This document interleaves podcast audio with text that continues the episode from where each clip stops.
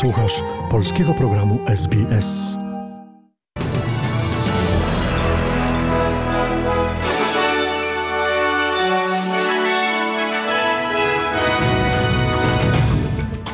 Dzień dobry, przed mikrofonem Dorota Banasiak. Witam Państwa serdecznie i zapraszam do wysłuchania przeglądu wiadomości radia SBS.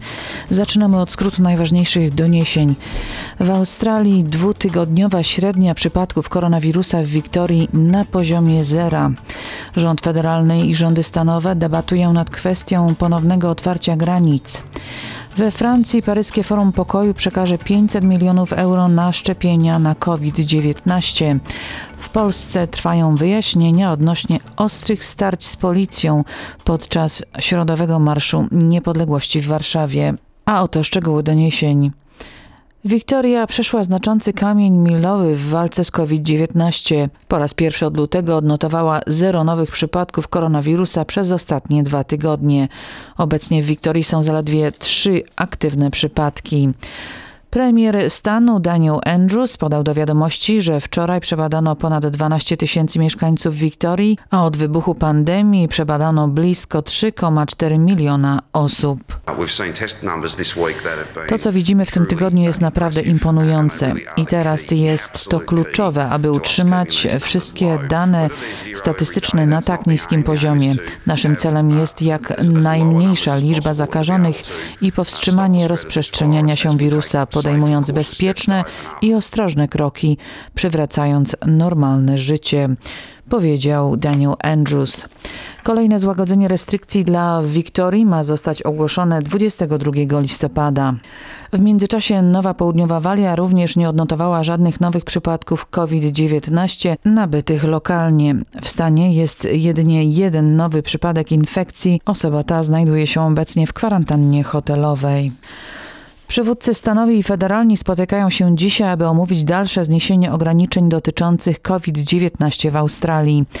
Premier Scott Morrison będzie przewodniczył posiedzeniu rządu, którego priorytetem będzie ponowne otworzenie granic stanowych. Jak zapowiedział, chce, aby w Australii zniesiono restrykcje jeszcze przed świętami Bożego Narodzenia, ponieważ liczba przypadków COVID-19 maleje. Jednak lekarze ostrzegają przed zbyt szybkim działaniem. Australijskie Stowarzyszenie Lekarzy jest zdania, że przyzwolenie na duże zgromadzenia i zwiększenie dopuszczalnej liczby osób w miejscach publicznych i w pracy może prowadzić do przedwczesnego rozluźnienia zachowań i zmniejszenia ostrożności.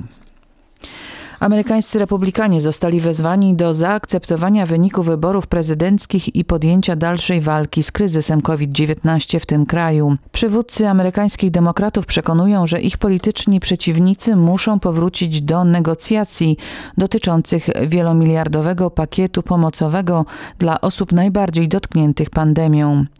Rzecznik Izby Reprezentantów Nancy Pelosi nazwała cyrkiem odmowę prezydenta Donalda Trumpa zaakceptowania swojej porażki wobec Joe Bidena. Mamy tu naprawdę czerwony alarm. Prezydent i republikanie w kongresie ignorowali opóźnienia, zniekształcenia danych i liczby zgonów. I co teraz robią? Dalej ignorują wszystko, pomimo statystyk. Ignorują fakt, że obecnie niezbędnym jest wspólne działanie. Liczba zgonów w Stanach Zjednoczonych wywołanych COVID-19 zbliża się do 250 tysięcy. Pod tym względem kraj ten jest najbardziej dotkniętym państwem przez pandemię koronawirusa. Francja i inne państwa oraz organizacje przekażą prawie 500 milionów euro na fundusz wspierający zakup i rozpowszechnianie szczepionki przeciwko COVID-19. Poinformowali o tym organizatorzy paryskiego Forum Pokoju. Tegoroczne forum jest poświęcone walce z pandemią. Według uczestników obrad przyszła szczepionka powinna zostać uznana za światowe dobro publiczne. Przewodniczący paryskiego forum Pascal Lamy powiedział, że do funduszu na rzecz szczepionki trafią pieniądze przekazane przez Komisję Europejską, Francję Francję i Hiszpanię oraz Fundację Gatesów. Organizatorzy liczą na to, że w akcji wezmą udział również inne państwa. Z powodu pandemii tegoroczne trzecie paryskie Forum Pokoju odbywa się w formie wideokonferencji. Paryż Stefan Folzer. Włochy przekroczyły milion potwierdzonych zakażeń COVID-19. Tamtejsze władze mają nadzieję, że rozpoczną szczepienia na koronawirusa przed zakończeniem europejskiej zimy.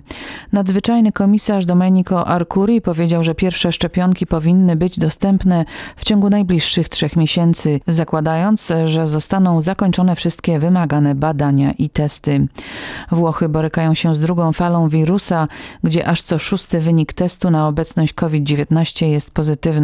W kraju tym w ciągu ostatniej doby zmarło 636 osób zakażonych koronawirusem. W trzech z 20 włoskich regionów zaostrzono środki bezpieczeństwa. Scenariusz lockdownu w Polsce staje się nieco bardziej odległy. Jak poinformował premier Mateusz Morawiecki, dane o zakażeniach koronawirusem w tym tygodniu oznaczają, że w najbliższych dniach nie będzie trzeba wprowadzać narodowej kwarantanny. Szef polskiego rządu zaapelował jednak o dalszą społeczną dyscyplinę. Polsce minionej doby odnotowano przeszło 22,5 tysiąca nowych przypadków zakażenia koronawirusem i 275 zgonów. Ostatniej doby wykonano ponad 57 tysięcy testów na obecność koronawirusa.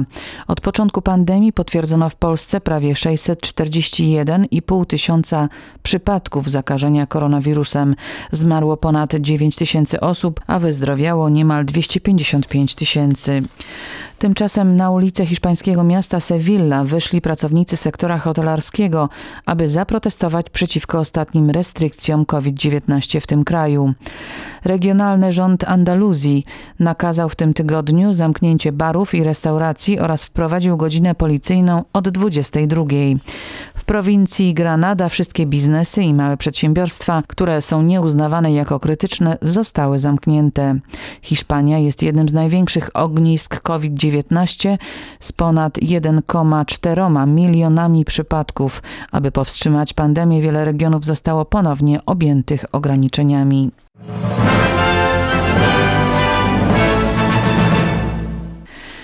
Trwające w Australii śledztwo w sprawie domniemanych zbrodni wojennych popełnionych przez australijskich żołnierzy sił specjalnych w Afganistanie może jeszcze potrwać 10 lat. W celu zbadania ustaleń raportu obejmującego zarzuty dotyczące okresu od 2005 do 2016 roku rząd Scotta Morrisona powołał specjalne biuro śledcze. Publicznie dostępna wersja śledztwa przeprowadzonego przez generała majora Paula Brerela zostanie opublikowana w przyszłym tygodniu. W ramach dochodzenia zbadano 55 odrębnych przypadków, głównie dotyczących domniemanych bezprawnych zabójstw i okrucieństwa.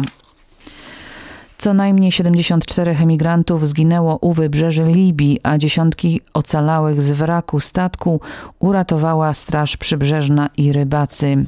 To najnowsza tragedia, kiedy migranci próbują przedostać się z rozdartych wojną krajów afrykańskich do Europy. Już w tym roku ponad 900 migrantów utonęło podczas próby przepłynięcia Morza Śródziemnego.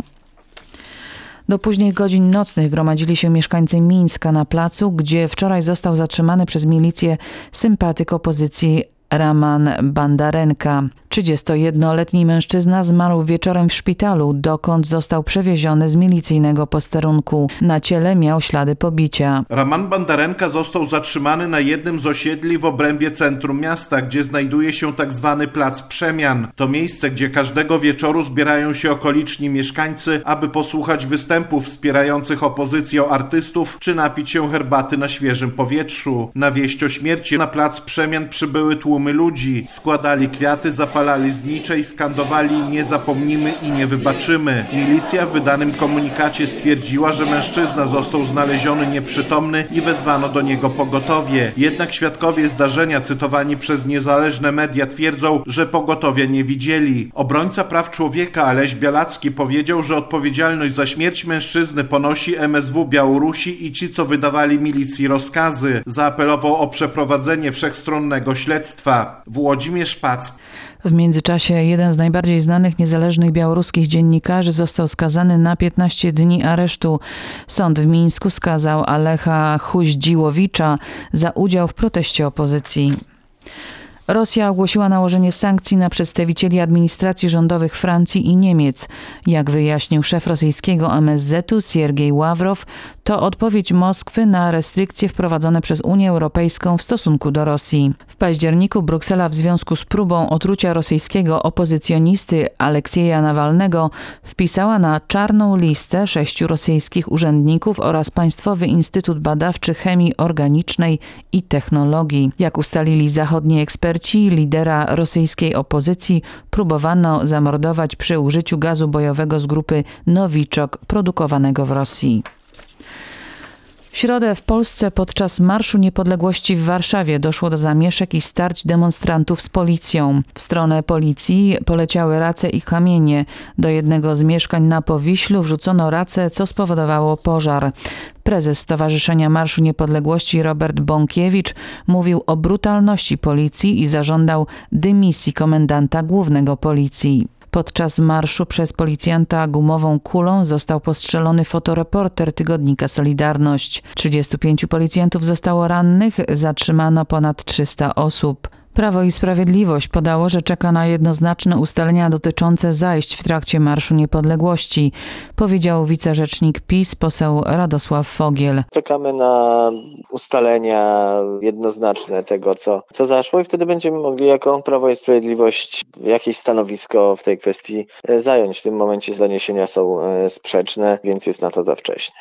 Wcześniej rzecznik Prawa i Sprawiedliwości Anita Czerwińska przekazała, że ugrupowanie uczyni wszystko, by incydenty podczas Marszu Niepodległości zostały w pełni wyjaśnione. Czołowi australijscy naukowcy zwracają uwagę na stale rosnący trend wysokich temperatur i ostrzegają przed intensyfikacją ekstremalnych zjawisk pogodowych w Australii. Klimatolodzy z Biura Meteorologii i CSI Row opublikowali dzisiaj szósty z kolei obejmujący dwuletni okres czasu raport o sytuacji klimatycznej.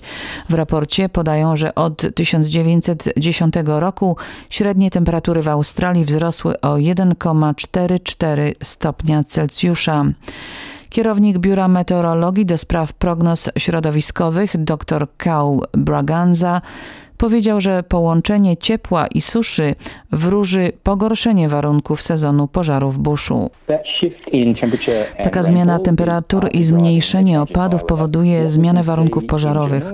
Ogólnie możemy zauważyć, że w całej Australii, szczególnie w południowych częściach, sezon pożarów jest dłuższy, a najcięższe dni są coraz bardziej ekstremalne. Szczególnie widać to wiosną, kiedy w niektórych przypadkach w południowych częściach kraju sezon pożarowy nadchodzi kilka miesięcy wcześniej wcześniej. Pogoda dla stolic stanowych na jutro, czyli na sobotę. W Perth deszcze 23 stopnie Celsjusza, w Adelaide w większości słonecznie 29, w Melbourne częściowe zachmurzenie, temperatura maksymalna 20 stopni, w Hobart całkowite zachmurzenie 19 stopni, w Canberrze w większości słonecznie 23, w Sydney słonecznie 25, w Brisbane słonecznie 32, w Cairns e, w większości słonecznie 33, a w Darwin e, częściowe zachmurzenie, temperatura maksymalna 35 stopni Celsjusza.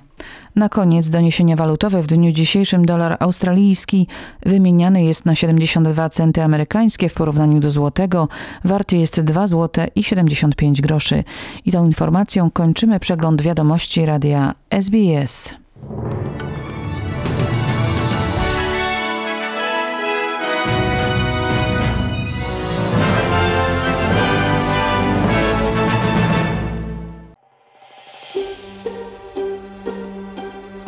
Zainteresowało Cię?